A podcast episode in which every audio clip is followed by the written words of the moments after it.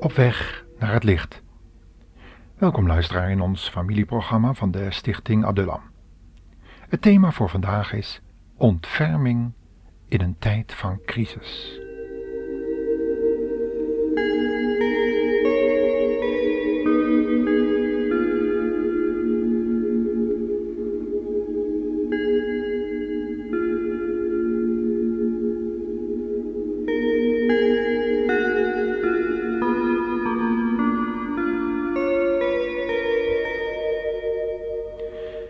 In ons vorige programma dachten we samen na over de profetie uit Jesaja 16, waar we in we iets gehoord hebben over het eindresultaat van nationalisme, zoals dat zich zichtbaar had gemaakt in de vastgelopen natie Moab. Eigenlijk was het een soort eindtijdsignaal om ons de ogen te openen voor de grote geestelijke nood waarin wij zelf terecht zijn gekomen. Ontferming in een tijd van crisis. Dat is ons thema voor vandaag. En het heeft alles te maken met de genade van onze Heer Jezus Christus die ons wordt aangeboden, ook vandaag. Jezus die kwam voor zondaren zoals u en ik, om die te verlossen uit de macht van zonde en duisternis. Deze Jezus heeft zichzelf vernederd, de gedaante van een sterfelijk mens aangenomen, om zich te laten arresteren, om gekruisigd te worden na een leven van weldoen, zegening en verlossing. Aan deze Jezus willen we denken als we de profeet Jezaja weer aan het woord laten, wanneer hij ons de geschiedenis van dat opstandige Moab, dat buurvolk van Israël, verhaalt.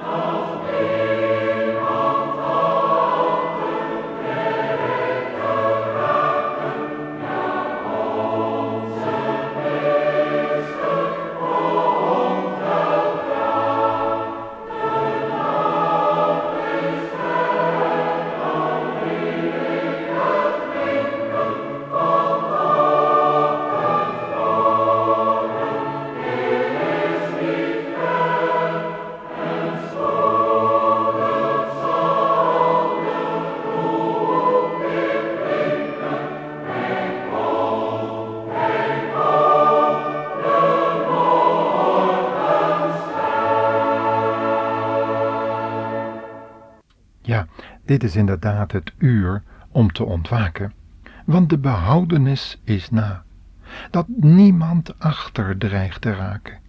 Ja, onze meester komt weldra.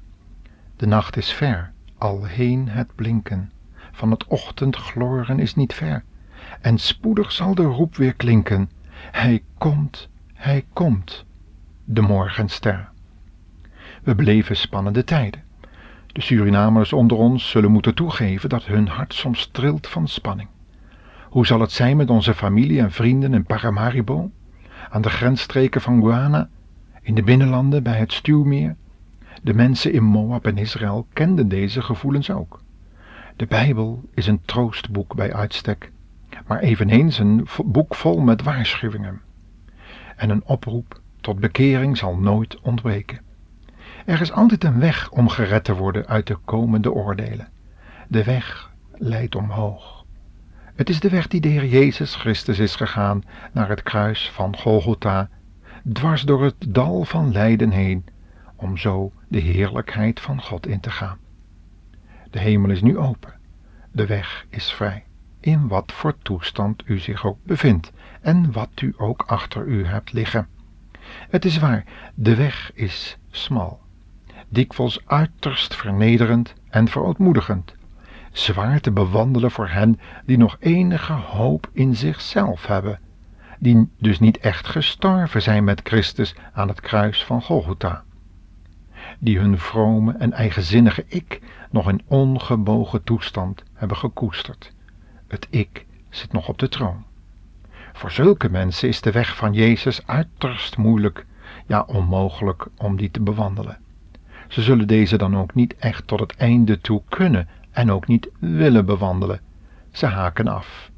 Ze zullen met al hun vroomheid afdwalen van het smalle pad, zoals de discipel Judas ook heeft geschreven. En dan bedoel ik niet de discipel Judas die Jezus verraden heeft, maar de broer van Jezus, uit de familie van Maria en Jozef. Zo vielen vele valse profeten en antichristelijke machten af, toen het moeilijk begon te worden. Ondanks hun belijdenis dat ze bij de Heer Jezus hoorden, zijn ze weggegaan en hebben antichristelijke geesten omhelst. Geesten die wel veel beloven, succes, roem en eer, maar die hun zielen zullen meenemen naar het dodenrijk en de poel van vuur. Dat lot stond de bevolking van Moab, zoals het in Jesaja 16 beschreven staat, ook te wachten. De profeet sidderde bij het zien van de gruwelen die er zouden gebeuren, wanneer de Moabieten zich niet zouden vernederen onder de krachtige hand van God, zoals Petrus dat in 1 Petrus 5 vers 6 ook zegt. In deze uitzending zullen we vaak de heer Been aan het woord laten, een bijbelleraar die de geschiedenis van Israël en de naties daaromheen nauwkeurig heeft bestudeerd en de lessen uit die geschiedenis praktisch heeft toegepast op onze tijd. Het volk van Moab dreigde door eigen toedoen en gebrek aan discipline en trouw ten onder te gaan. God gaf echter voordat dit zou gaan gebeuren zijn dienstknecht Jezaja en ook wel anderen de opdracht om hen te waarschuwen. Profeten zijn de wachters van hun volk. Ze heffen de bazuin op, zoals ik nu de microfoon, om het volk te waarschuwen voor de gevolgen van nationalisme, trots, afgoderij en toverij. Jezaja raadde de regeringsleiders van zijn dagen aan de hun opgelegde belastingen toch in hun eigen belang te betalen. Anders zou de ellende van oorlog, bloedvergieten en armoede hun niet bespaard kunnen worden. De heer Been zegt hierover het volgende. Toen Moab aan het huis van David onderworpen was, had het welvaart. Maar nu het tegen dit huis was opgestaan, zouden de ergste dingen over hen komen. Hij vervolgt dan met te verklaren waarom de regering van Moab toch vooral de opgelegde schatting zou moeten voldoen, en dat er door de wanbetalingen van het verleden een gespannen situatie was ontstaan tussen Israël en Moab. Jezaja, die dicht bij de Israëlitische regeringsleider stond en bevriend was met een van die vorsten van de dagen, bekleedde zelf een hoge post als adviseur van de regering. Je zou kunnen zeggen dat hij in het kabinet van de koningin zat en in die functie over nogal wat informatie kon beschikken. Maar evenals dat in onze dagen het geval is, was er wantrouwen jegens de regering. Er is een spreekwoord, zo de waard is, vertrouwt hij zijn gasten. En zo is het vaak in de politiek ook. Het was in de dagen van Jezaja politiek even onrustig als nu in de wereld. Daarom beloofde Jezaja zijn invloed aan te zullen wenden bij het Israëlische vorstenhuis als het eenmaal zo ver zou komen dat het land haar onafhankelijkheid zou kwijtraken en volledig geplunderd zou worden door vreemde mogendheden, die angstvallig toekeken hoe ze dit land, wat in een isolement dreigde te raken door het gebrek aan verantwoordelijkheid en door de nationalistische trots, en dan dat land binnen te vallen en te plunderen wat er nog over was. Interventie brengt vaak alleen maar ellende met zich mee. Soldaten, vaak lang van huis en verlangend naar vrouwenvlees, zien uit naar een mogelijkheid om jonge trouwlustige meisjes te verleiden. In elke oorlogshandeling of interventie zien we dit gebeuren. Zo was het in Indonesië, in Suriname en in de tijd van de koloniën. Nieuw-Guinea en noemt u alles maar op. Dat was in Cameroen zo. En dat was in een Belgisch Congo zo. En de Britse eilanden. Daarom vluchten er altijd weer duizenden mensen voor de geruchten van onrust en politiek geweld uit. Ze nemen hun geld mee. Industriëlen beginnen hun deviezen te bevriezen en kijken uit naar andere investeringsmogelijkheden op andere plaatsen, andere eilanden. Ambassadeurs worden teruggetrokken, zoals voor de oorlog met Irak uitbrak en zoals bij de Bosnische, Servische en Slavische volken gebeurd is. Machtige volkeren trekken hun vertegenwoordigingen terug uit die landen die ze eigenlijk al hebben afgeschreven.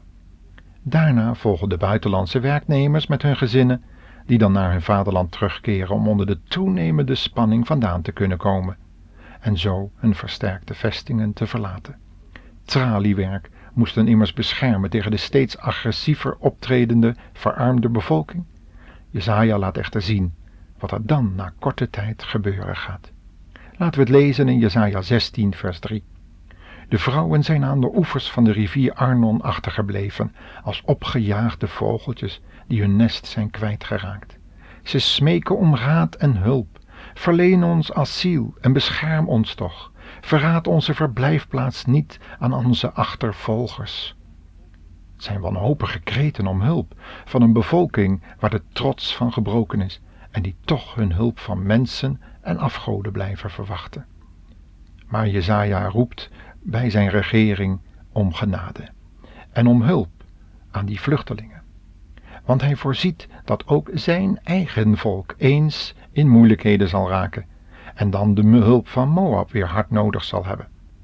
Profetisch gezien betekent dat concreet dat het volk Israël in de eindtijd de toevlucht zal moeten nemen in de bergen van Jordanië.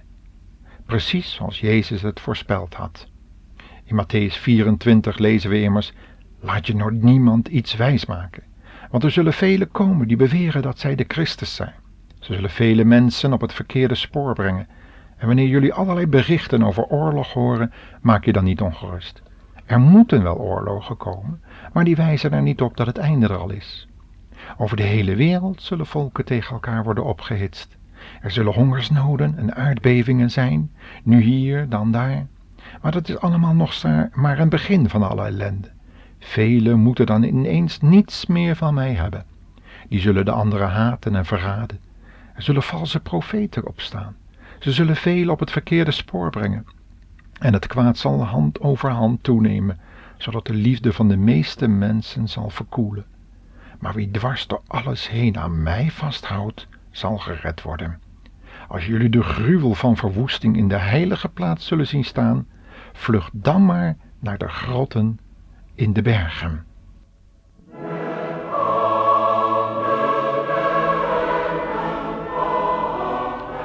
Ja, het is zoals er gezongen wordt.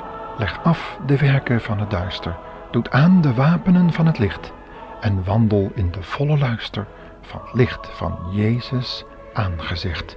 Doet u dat, beste luisteraar? Tot de volgende uitzending.